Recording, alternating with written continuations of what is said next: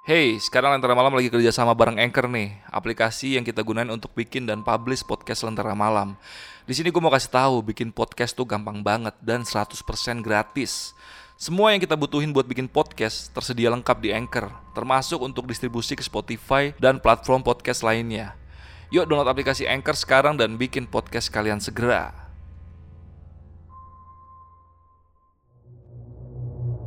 Halo semuanya kembali lagi di Lentera Malam bareng gua Jamal. Dan juga Adit di sini. Yo, The house. The, the house. Cuk, lo hari ini mau cerita tentang apa nih, Cuk? Oke, ini ada cerita di Twitter ya. Ini judulnya Sekar Semboja nih, Mal. Sekar Semboja. Ya, ini mirip-mirip sama beberapa episode yang lalu yang pernah kita upload tentang Minasti ya, siapa? Amelia, Bang. Amelia. Kenapa Minasti siapa Salah aja? aja gua nggak tahu namanya. Itu mal. Jadi judulnya Sekar Semboja nih, Mal. Hmm, itu gimana tuh, Cuk? Ceritain dikit lah. Oke, jadi ini kisah mungkin eh, sering terjadi nih ya di dunia eh, yang ada atasan atau bawahan atau guru atau kebawahannya. Ini kalau gua ngeliat di Google namanya abuse of power atau power of abuse. Oh, Jadi oke, sesuatu oke. hal yang Ya, tahu. dilakukan sama yang punya power lebih lah, Hmm, kayak hmm. atasan ke bawahan Atasan. atau guru ke murid. Hmm. Dan di sini yang Sekar Semboja ini mengalami ruda paksa atau pemerkosaan dari eh, atasannya atau bosnya. Jadi dia itu kerja ini kerjanya tahun 80-an deh kalau nggak salah. Dia itu kerja di salah satu perusahaan sawit. Oh miring gua. di perusahaan sawit dan ternyata eh, bosnya suka nih sama dia naksir nih. Hmm. Nah, makanya akhirnya dia diperkosa nih sama bosnya. Diperkosa Dan- nih? Iya, dan banyaklah hal mistis terjadi setelah kejadian itu. Ini neror warga atau Ya nanti lihat aja ceritanya deh. ya pokoknya eh, be- apa cerita awalnya begitulah. Hmm. Jadi, ya pasti kalau di Lentera Malam kan ada berbau mistisnya, pasti ada mistisnya. ada misisnya juga Yoi, ya. pastinya gitu. Dan ini berarti mirip mirip banget sama yang soal guru yang pesantren ya. Iya, yang kita bahas Iya, kemarin. kemarin ya. Iya sebenarnya udah kita bahas sih. Iya. Dan banyak lagi ini- sebenarnya sih nggak itu aja sih. Hmm, Ya, macam-macam lah ya. Contohnya yang lagi ramai kemarin ya itu yang santri itu ya. Iya iya iya. Santri wanita diperkosa sama guru eh, pesantrennya sendiri atau mungkin pemiliknya kali ya. Pemilik Eh, pesantren bukan sih? pemilik pesantren. Pemilik ya, itu. pemilik pesantren dan mukanya ngeselin anjir. Iya mungkin. Kalau kayak Betran Antoni sih nggak apa-apa. Tapi kenapa ya? Gue juga kadang mikir, mungkin kalian yang lebih tahu nih yang pendengar Spotify bisa DM Instagram kita. Kenapa? Eh, hal-hal kayak gitu cewek itu nggak pada speak up gitu. Kenapa Pak?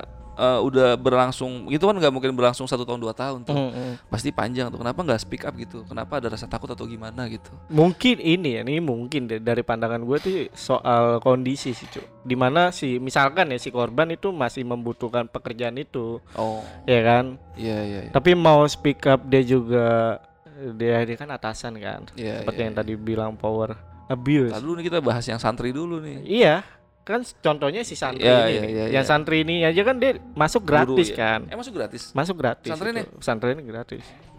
Makanya itu di apa namanya di bikin perangkap itu buat Iya. DW doang ngapain Iya. dalam anjir dirawat lah sama si ininya juga. atau mungkin diiming-imingin gitu nanti saya nikahin atau gimana gitu kali ya Ya bisa jadi di situ. makanya dia pada ya oke-oke aja gitu Tapi semua kayak gitu tuh tergantung kondisi sebenarnya, Cu. Iya iya iya. Tapi kan biasanya biasanya kasus kayak gini tuh kejadian ketahuannya setelah satu atau dua tiga orang lah apesnya gitu ya Iya. pelakunya. Ini 19 atau 16 gitu baru ketahuan. Iya, parah. Berarti ini kan udah lama banget dan udah ngegilir cewek-cewek situ lah. Wah, gila. Lagi masih bocah-bocah ya kan. Iya. Pesantren bocah-bocah. Masih polos-polos ya, Cu. Iya. Iya. Di di dia di apa nih ya? Dikasih ini dikit tuh langsung ah terenyuh mungkin. Iya iya iya gampang dikibulin lah Ah, pokoknya. iya, betul. Masih gampang. terlalu polos mungkin ya. Iya, betul banget. Ya, buat kalian kalau misalnya ngalamin hal-hal kayak gini abuse of power atau power of abuse gue lupa terbalik apa enggak itu Mm-mm. ya lebih baik speak up lah atau minimal cerita ke orang tua lah ya Iya, betul. minimal cerita ke orang tua jangan ke orang lain lah kalau orang lain nanti yang ada ente digosipin ya kan Iya betul. Tapi gua harap sih ini ya eh, mulai mulai apa ya lebih ke dari hal kecil aja itu harus diituin cu. Itu Iya, kan iya. pasti kan ada step-step ya kayak misalkan eh, dari si bosnya ini uh, ngelakuin seksual harassment dulu Iya, dari iya. perkataan segala macam. Seksual, casual. seksual Oh, gue harassment. denger casual aja. Iya iya iya iya. seksual Biasa harassment dari dulu. Nah, itu tuh lu harus colek-colek biasa tuh ya. Iya, lu harus speak up langsung. Iya iya. Biar iya. si tersangkanya ini atau pelakunya ini tuh nggak Iya iya. kebiasaan tuh. Iya iya. Ya, tapi kadang-kadang mungkin ada yang takut juga, takut dipecat atau segala macam Nah, ya. itu dia. Kalau lu Iya. diem aja makin lama makin jadi. Iya, iya. Mendingan kalian cerita deh kalau itu deh. Minimal uh, kalian jangan nyimpan sendiri takutnya terjadi penyakit mental gitu kalau dipendam sendirian, Iya, depresi iya. sendirian, Iya, betul. suicide kayak si siapa main Novia Novia itu yang bunuh diri di samping makam bapaknya tuh, Iya itu dia. yang disuruh gugurin dua kali ya sama cowoknya ya. Iya, yang Oh, si polisi kan. Iya iya. Itu udah beberapa kali kita bahas. Oh iya udah dibahas juga ya. Sampai lupa anjir. ya udahlah, ya kita Oh, ini. Apa itu? Ini Mal? sebelum eh, masuk ke cerita, gue pengen ngasih tahu ke pendengar Spotify kalau misalkan kalian punya pengalaman horor Oh iya dan mau jadi narasumber di Lentera Malam, kalian bisa langsung aja. Gimana cu? DM ke Instagramnya Lentera Malam, Lentera Malam nanti diarahin sama adminnya Lentera Malam. Gimana cara kalian eh, bisa kirim ceritanya? Karena kalau masih di daerah Jabodetabek eh, bisa kita undang nih jadi Iya. narasumber ya Betul banget. di segmen saksi misteri. IG-nya mana? salah tadi gua ngomong ya. Oh, IG- IG-nya di lenteramalam.id @lenteramalam.id. Nanti DM aja ke Instagramnya. Ya pokoknya usahain cerita sih bagus-bagus lah ya. Kalau bagus-bagus pasti kita angkat atau kita undang jadi narasumber kalau Betul masih di banget. Jabodetabek. Betul banget. Karena mampir ini lagi Instagram kita lah ya. iya betul. sepi amat gitu. Betul banget. Karena ini cu beberapa pendengar Spotify ya.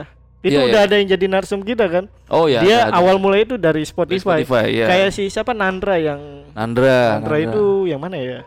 Jadi Nandra, kalau teman-teman tahu ingat. Iya iya iya. Yang ibunya di Rukiah ya. Iya, itu betul. terus si Rika tapi Rika udah kita take down videonya. Iya, tapi di Karena Spotify ada masih permintaan. ada. Spotify Eh sebenarnya masih ada ya. itu termasuk si Rika ya. Iya, itu iya. Rika juga dari, Dari Spotify. Ini teman-teman gak usah malu-malu lagi. iya, kirim aja ceritanya. Langsung aja kirim aja Gak cerita. usah malu-malu karena kita juga butuh. Iya. ya udahlah, paling segitu aja kali openingnya ya. Iya, itu. Langsung aja kita masuk ke ceritanya.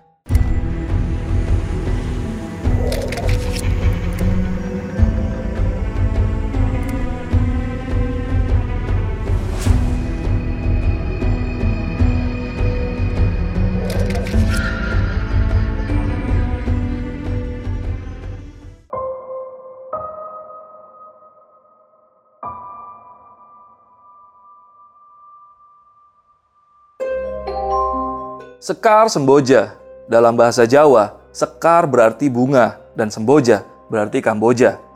Begitu kira-kira sebutan atau nama yang pas untuk perempuan cantik ini, sesuai apa yang terlihat di samping makamnya beberapa waktu lalu, yaitu pohon Kamboja yang lebat dan berbunga.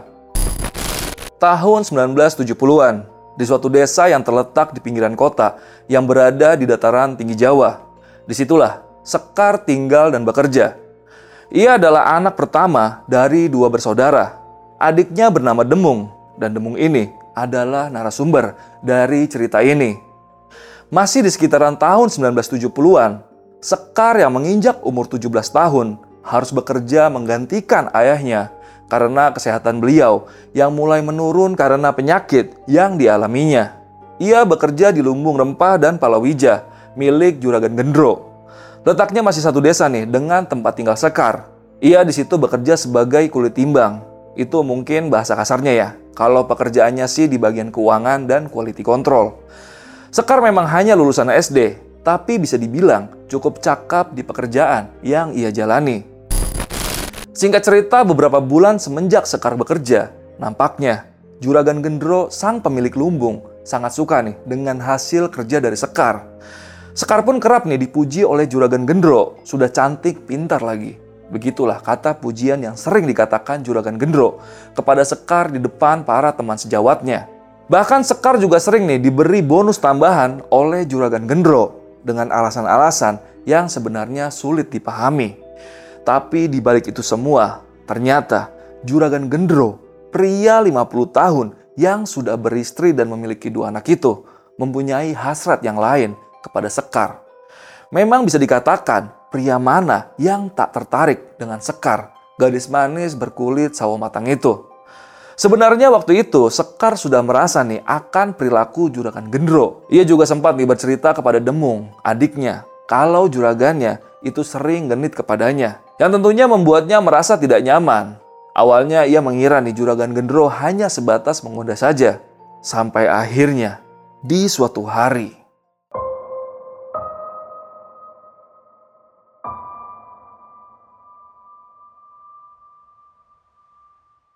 Sore itu di gudang mulai sepi. Nampaknya semua pekerja sudah pulang. Kecuali Sekar dan Juragan Gendro. Di antara karung-karung jahe yang berjejer, Sekar nampak tengah membereskan meja tempat ia bekerja. Sesekali badannya membungkuk untuk memungut jahe yang berceceran di lantai. Juragan Gendro nampak duduk di alat timbang.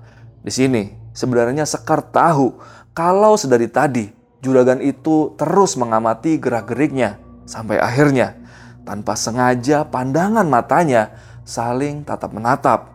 Seketika Sekar mencoba berpaling, seraya berpura-pura menata-nata mejanya. Di sini firasatnya mulai tak baik ketika ekor matanya melihat juragan gendro mulai berjalan mendekatinya. Dan benar saja, perlahan-lahan juragan gendro memegang kedua pundak Sekar, mendekatkan mulutnya ke telinga Sekar dan berkata, Cahayu. Ia yang ketakutan mencoba nih melepaskan tangan itu dari pundaknya. Tapi justru di sini juragan gendro mulai tak terkendali. Dan di sinilah Sekar diruda paksa. Ia sudah mencoba nih memohon agar juragan gendro tak melakukan hal ini. Tapi nampaknya si bajingan gendro ini tak memperdulikannya dan melanjutkan aksi bejatnya itu. Setelah selesai, Juragan Gendro memberikan uang nih 200 ribu rupiah kepada Sekar sambil mengancamnya agar Sekar tidak menceritakan hal ini kepada siapa pun. Sore itu Sekar berjalan pulang dengan agak pincang sambil memegangi perutnya dan sembari mengusap air matanya.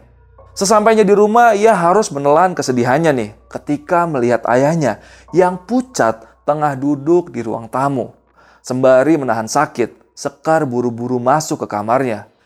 Di sini Demung adiknya sebenarnya sudah curiga nih dengan gelagat Sekar, kakaknya itu. Tapi memang mereka tak begitu akrab. Jadi semua ini seperti berlalu begitu saja. Yang jelas, setelah kejadian itu, Sekar sempat tidak masuk kerja selama tiga hari. Singkat cerita, hari pun berlalu. Sekar mulai beraktivitas seperti biasanya. Sejak kejadian itu, ia menjadi tak banyak bicara. Kala itu keluarga sama sekali nih nggak menaruh curiga kepada Sekar. Dan untuk beberapa waktu, Sekar berhasil menelan pil pahit itu seorang diri. Tapi di balik semua itu, ternyata kebejatan Juragan Gendro tak berhenti.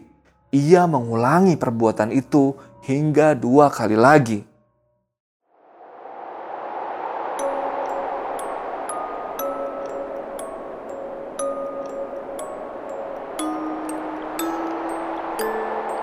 Kira-kira hampir setahun setelah kejadian pertama, ibunya mulai curiga nih karena Sekar selalu memakai baju hangat di dalam rumahnya untuk menutupi perutnya yang sudah mulai membesar. Akhirnya setelah sedikit ditekan oleh ibunya, di sini akhirnya Sekar mengakui semuanya. Dia mengaku bahwa ia sudah dicabuli oleh Juragan Gendro sebanyak tiga kali dalam kurun waktu kurang lebih hampir setahun ini. Ayahnya sangat marah tentunya. Pasalnya, si Gendro ini adalah sahabatnya sendiri. Umurnya juga hampir sama nih dengan bapaknya Sekar. Dan dengan pengakuan Sekar bahwa ia sudah tiga kali dicabuli oleh Gendro di rumah, terjadi perdebatan singkat. Dan di situ, sang ibu ingin si Gendro bertanggung jawab atas kehamilan Sekar. Di lain sisi, sang ayah ingin Gendro dipenjara. Sampai akhirnya pendapat Ibu Sekar yang menjadi pemenangnya, Gendro, harus bertanggung jawab atas bayi yang ada di dalam kandungan Sekar. Ayahnya dengan keadaan yang tengah sakit-sakitan, tentu nggak mungkin nih menyambangi rumah Gendro seorang diri. Akhirnya ia menyuruh Bogel, adiknya, atau nggak lain adalah pamannya Sekar, untuk mengajak Juragan Gendro menyelesaikan masalah ini. Sekedar informasi nih, Bogel pamannya Sekar ini adalah preman yang sangat ditakuti di desa tersebut. Mengetahui duduk permasalahan ini, tentu kepalanya seperti diinjak-injak oleh Gendro. Beraninya, ia mencabuli keponakannya. Batinnya mungkin kala itu. Ibu Sekar sempat berpesan kepada Bogel untuk tidak berbuat macam-macam kepada Gendro. Ibu Sekar yang khawatir langsung menyuruh Demung untuk membututi pamannya itu. Meski ini sudah keterlaluan, tapi nggak bisa dipungkiri kalau Gendro adalah orang yang cukup berpengaruh di desanya itu. Singkat cerita benar saja, sesampainya di rumah Juragan Gendro, sang paman langsung merangsek masuk ke dalam rumah. Demung yang menunggu di depan rumah sempat mendengar jeritan yang mungkin dari istri dan anak Juragan Gendro. Terlihat waktu itu Gendro pasrah di piting lehernya sembari dibawa keluar oleh sang paman. Menurut kesaksian Demung, sepanjang jalan sampai rumah Sekar, tiada henti nih, bogel sang paman melayangkan boge mentah ke arah muka juragan Gendro. Banyak warga yang keluar dari rumahnya mendengar keributan itu. Tapi tak ada satupun nih yang berani melerai ketika mereka tahu kalau Bogel sedang mengamuk saat itu. Singkat cerita sampailah Gendro di rumah Sekar. Gak ada perdebatan yang panjang karena di sini Juragan Gendro langsung mengakui perbuatannya dan ia akan bertanggung jawab untuk menikahi Sekar. Tapi beberapa saat kemudian datanglah istri Juragan Gendro bersama Pak Jayus, seorang kami tuo atau kepala dusun di desa tersebut. Kebetulan dia adalah kakak ipar dari Gendro, istri Gendro, yang belum tahu duduk permasalahannya. Seketika langsung mencak-mencak di situ, berbicara tinggi, dan dia berdalih akan menuntut penganiayaan yang dialami oleh Juragan Gendro. Begitu juga Pak Jayus yang kelihatan marah. Di sini sang paman kembali emosi dan menceritakan permasalahannya dengan gaya jalanannya. Dan pembicaraan itu ditutup dengan kata, Kalian-kalian semua, kalau masih ngeyel, malah saya robek mulutnya Gendro ini. Kata Paman Bogel kepada Pak Jayus dan istrinya Juragan Gendro. Sejenak suasana menjadi hening. Istri Gendro yang mendengar penjelasan itu kemudian histeris dan menjambak rambut suaminya. Sembari menangis, ia memaki-maki suaminya. Sebagai seorang istri, tentu ia kecewa nih dengan kelakuan suaminya itu. Hey, sekarang Lentera Malam lagi kerja sama bareng Anchor nih, aplikasi yang kita gunain untuk bikin dan publish podcast Lentera Malam. Di sini gue mau kasih tahu, bikin podcast tuh gampang banget dan 100% gratis. Semua yang kita butuhin buat bikin podcast tersedia lengkap di Anchor, termasuk untuk distribusi ke Spotify dan platform podcast lainnya. Yuk download aplikasi Anchor sekarang dan bikin podcast kalian segera. Singkat cerita terjadi mufakat Juragan Gendro pun menikahi Sekar di kala kandungannya mulai membesar. Waktu pun terus berlalu, mau tak mau aib ini telah menyebar ke seluruh desa. Banyak warga yang bersimpati dengan Sekar, namun tak sedikit pula yang justru menganggap Sekar adalah perempuan yang gatal. Diduga kuat, kabar miring ini sengaja dibuat oleh istri Juragan Gendro. Tapi syukurnya, Sekar yang mendengar itu sama sekali tak bergeming dan mencoba menciptakan kebahagiaannya sendiri dengan fokus kepada bayi yang dia kandung itu. Setelah dinikahi Gendro, Sekar tetap tinggal bersama orang tuanya. Ia tidak mau nih tinggal bersama Gendro dan sesekali Gendro kerap berkunjung ke rumah Sekar untuk memberikan sesuatu seperti makanan dan obat-obatan. Meski tentu dengan suasana yang sangat canggung. Sekitar dua bulan setelah Sekar dinikahi, tibalah di suatu hari yang menjadi awal mula berubahnya pribadi Sekar untuk selama-lamanya. Demung adiknya lah yang pertama kali melihat kejadian itu. Malam itu, sekitar jam 12 malam, Demung yang belum tidur mendengar sedikit kegaduhan dari kamar kakaknya yang kebetulan bersebelahan dengan kamarnya itu. Awalnya Demung gak memperdulikan di suara itu. Ah mungkin tikus, batinnya dia. Tapi nggak lama kemudian muncul suara desisan. Sebenarnya suaranya tak begitu keras, Namun karena malam itu sangat sepi, desisan itu jadi terdengar begitu jelas memecah keheningan malam.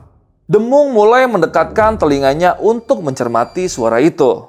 Setelah ia benar-benar yakin itu dari kamar kakaknya, Demung akhirnya memutuskan nih untuk keluar kamar dan memeriksa kamar kakaknya itu. Awalnya Demung hanya mendekatkan telinganya saja nih di pintu kamar kakaknya.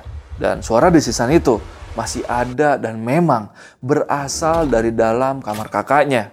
Demung sempat ragu nih untuk membuka pintu kamar. Sampai akhirnya ia mendengar suara tertawa cekikikan dari kamar kakaknya. Demung yang penasaran sontak membuka pintu kamar kakaknya dengan sangat perlahan.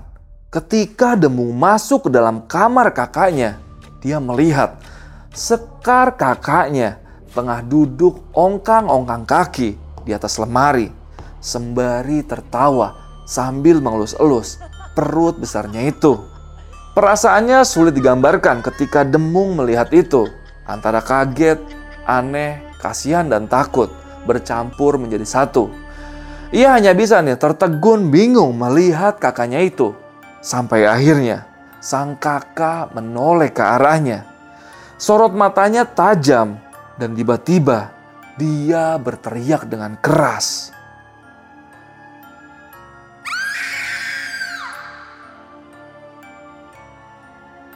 Suara itu langsung membuat ibunya terbangun dan langsung menghampiri kamar Sekar. Melihat itu ibunya mencoba nih berbicara dengan lembut, menyuruh Sekar untuk segera turun dari atas lemari. Tapi Sekar tampak tak peduli nih, ia masih saja mendesis dan tertawa-tawa aneh di atas lemari. Ibunya tak henti menyuruhnya untuk turun, begitu juga dengan Demung.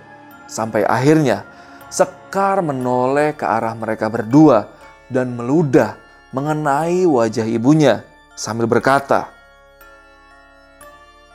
Siapa kamu? Nyuruh-nyuruh aku.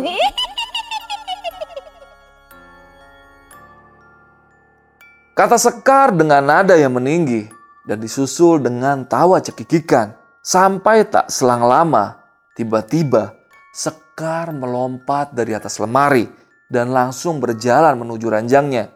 Ia pun langsung tidur merebahkan tubuhnya dan tertidur begitu saja. Sungguh sangat janggal, apalagi lemari kayu jati yang tadi dinaiki Sekar ukurannya cukup tinggi. Mungkin tingginya itu sekitar 2,5 meter Rasanya nggak mungkin nih, ia bisa naik ke atas itu meskipun dengan bantuan kursi sekalipun. Apalagi posisinya saat itu, Sekar tengah hamil dengan kandungannya yang cukup besar. Hari pun terus berganti. Kejadian malam itu berlalu begitu saja. Namun sejak saat itu nih, Sekar sudah berubah nih. Ia menjadi sering mengamuk dan tak terkendali. Ia nggak mau makan nih masakan rumah dan anehnya ia hanya mau makan makanan yang dibawa oleh juragan Gendro. Yang padahal hanya Gendro berikan 2-3 hari sekali bersamaan dengan kedatangannya untuk menjenguk istri mudanya. Lantas apa nih yang Sekar makan bila tak ada makanan dari juragan Gendro?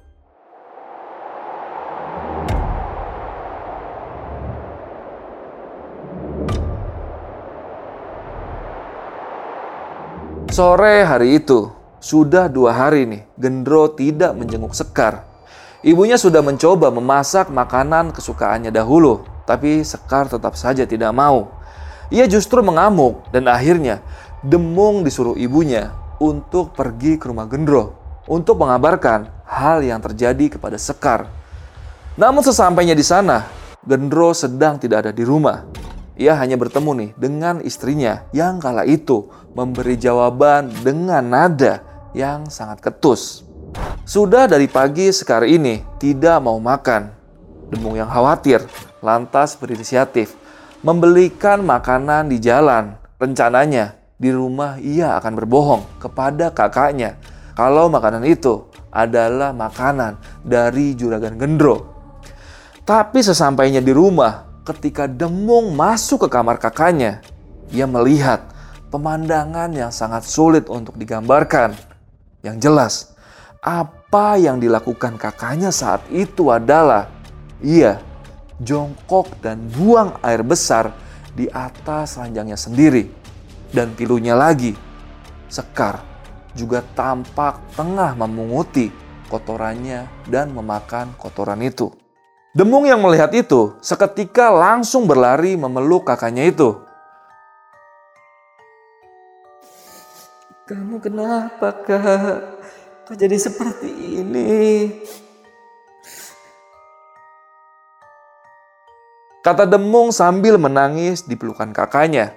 Gak ada ekspresi apa pun dari Sekar saat itu. Ia masih saja nih menatap kosong sembari terus mencoba memunguti kotorannya dan memakannya. Sembari memegangi tangan kakaknya, Demung memanggil-manggil ibunya yang sedari tadi mengurus kambing di belakang rumah. Ayah Sekar juga kebetulan sedang berobat bersama sang paman hari itu. Jadi keadaan rumah kala itu cukup lenggang dan gak selang berapa lama, sang ibu pun menghampiri mereka berdua. Ia yang melihat keadaan itu langsung segera mengambil air untuk membersihkan sekar. Sementara Demung tengah memapah kakaknya menjauh dari ranjang. Hari pun terus berlalu. Semakin hari tingkah lakunya pun semakin aneh. Sekar, perilakunya berubah menjadi seperti seorang laki-laki. Ia akan marah nih ketika dipanggil dengan nama Sekar dan juga makannya semakin hari itu semakin banyak. Gendro pun terlihat semakin sering nih bolak-balik menjenguk untuk mengantarkan makanan. Karena seperti yang kita tahu, Sekar hanya mau nih makan makanan yang diberikan oleh Gendro saja. Perilakunya sangat aneh lah pokoknya. Ia nggak pernah mau mandi nih. Duduknya pun seperti laki-laki dengan perut besarnya yang selalu dibiarkan terbuka. Dengan keadaan yang seperti itu, pihak keluarga mengira Sekar mengalami gangguan jiwa, tapi di sini Demung, adiknya, yang menyaksikan bagaimana perubahan kakaknya itu sulit menerima perihal itu. Pasalnya proses perubahannya tidak melandai atau sedikit demi sedikit, tapi drastis, berawal hanya dalam satu malam, di mana ketika tiba-tiba di tengah malam kakaknya berada di atas lemari sekitar tiga minggu yang lalu. Ditambah lagi Sekar hanya mau makan makanan dari Gendro. Itulah yang membuat Demung semakin menaruh kecurigaan kepada juragan Gendro. Apakah Gendro menaruh sesuatu yang jahat di makanan yang diberikannya kepada Sekar kakaknya? Jelas kalau dirunut, Gendro sangat punya motif untuk melakukan itu. Demung pun mencoba nih mengkomunikasikan pendapatnya kepada ibu dan ayahnya. Tapi mereka masih tak percaya nih dan menyuruh Demung untuk tidak berpikir macam-macam. Namun pada suatu hari ada kejadian yang membuat orang tuanya setidaknya berpikir tentang pendapat dari Demung itu. Jadi begini ceritanya. Sekitar dua bulan sudah nih, Sekar mengalami keadaan yang masih diduga gangguan jiwa. Meskipun keanehan-keanehan semakin sering muncul dalam dirinya Sekar. Sekarang Sekar juga gak mau lagi nih dipanggil dengan nama Sekar. Ia selalu memperkenalkan dirinya dengan nama Badak Sewu. Di kandungannya yang sudah menginjak kurang lebih 8 bulan ini, kelakuannya semakin hari semakin menjadi seperti seorang laki-laki. Ada satu cerita yang dialami Demung bersama ayah dan ibunya. Waktu itu pintu kamar Sekar memang sengaja dikunci dari luar. Ayah, ibu, dan dembung adiknya tengah duduk di ruang tamu yang berada tepat di depan kamar Sekar. Di situ memang mereka sedang membicarakan Sekar nih, membicarakan keadaan yang kian hari kian memburuk. Mereka berunding mau dibagaimanakan nih Sekar ini agar bisa sembuh. Sang ibu dan Demung mulai beranggapan ada campur tangan sihir yang membuat Sekar menjadi seperti itu. Sang ayah juga sedikitnya mempercayai hal itu karena ia melihat sendiri perubahan dari anaknya itu yang cukup janggal. Namun di dalam pembicaraan itu, sang ayah tetap ingin membawa Sekar ke jalur medis terlebih dahulu dan tiba-tiba di tengah obrolan mereka terdengar suara gebrakan dari kamar Sekar. Buka! Dengar tidak kalian? Buka! Si- siapa itu? Aku Badak Sewu. Gak usah nyari Sekar. Dia sudah mati. Mendengar perkataan itu, sang ayah langsung beranjak dari tempat duduknya dan membuka kunci kamar Sekar. Setelah dibuka kamar Sekar sangat gelap sekali. Sang ayah mulai melangkah masuk seraya memanggil-manggil nama Sekar anaknya. Diikuti dengan Demung dan sang ibu di belakangnya. Namun, baru beberapa langkah mereka memasuki kamar itu. Tiba-tiba, ada angin kencang yang mendorong ke arah mereka. Sang ayah sempat sedikit terpental dan jatuh mengenai Demung dan sang ibu di belakangnya. Dan di situ, tiba-tiba terlihat ada dua mata merah menyala dari dalam kamar yang gelap itu, berdiri di atas ranjang sekar. Tubuhnya terlihat cukup jelas karena terkena cahaya dari ruang tamu. Sosok itu kini hanya diam, tak berkata sepatah kata pun. Ketika semakin jelas dilihat, ternyata pijakan kaki dari sosok itu berdiri adalah tubuh Sekar yang tengah berbaring. Mereka bertiga seakan tak percaya nih melihat sosok itu. Sang ayah nampak ketakutan dan memundurkan langkahnya seraya memberi isyarat kepada Demung dan ibunya untuk menjauh dari kamar Sekar. Namun tiba-tiba saja mata merah dari sosok itu mulai meredup dan menghilang. Suasana seram itu seketika teralihkan oleh sang ibu yang tiba-tiba pingsan. Untung Demung sempat nih meraih tubuh ibunya, sehingga ibunya ini gak sempat roboh ke lantai. Sementara sang ayah mencoba lagi nih berjalan mendekat ke arah Sekar yang sepertinya tengah tertidur di atas ranjangnya. Dengan rasa takut dan ragu, sang ayah mencoba memegang tubuh anaknya itu. Demung yang sudah merebahkan ibunya di ruang tamu segera menyusul lagi ke kamar kakaknya itu. Namun seketika perasaannya menjadi tidak enak ketika melihat sang ayah hanya terdiam di depan tubuh kakaknya. Dengan terbata-bata, sang ayah berkata kepada Demung, Tolong sampaikan ke Paman Bogel. Kakakmu sudah tiada. Kata sang ayah sambil menahan tangis. Demung segera berlari ke rumah pamannya untuk mengabarkan hal ini. Di jalan ia pun menangis dan seperti tak percaya dengan apa yang dialami oleh kakaknya itu. Sekar Semboja meninggal dunia bersama bayi yang masih di dalam kandungannya. Tanpa isyarat apalagi kata perpisahan. Demung ayah dan ibunya menduga kuat apa yang terjadi pada Sekar kakaknya ini ada campur tangan kekuatan lain. Entah ini santet, tenung, ataupun teluh. Dan kalau memang dugaan ini benar, tentu Juragan Gendrola tersangka utamanya batin mereka bertiga.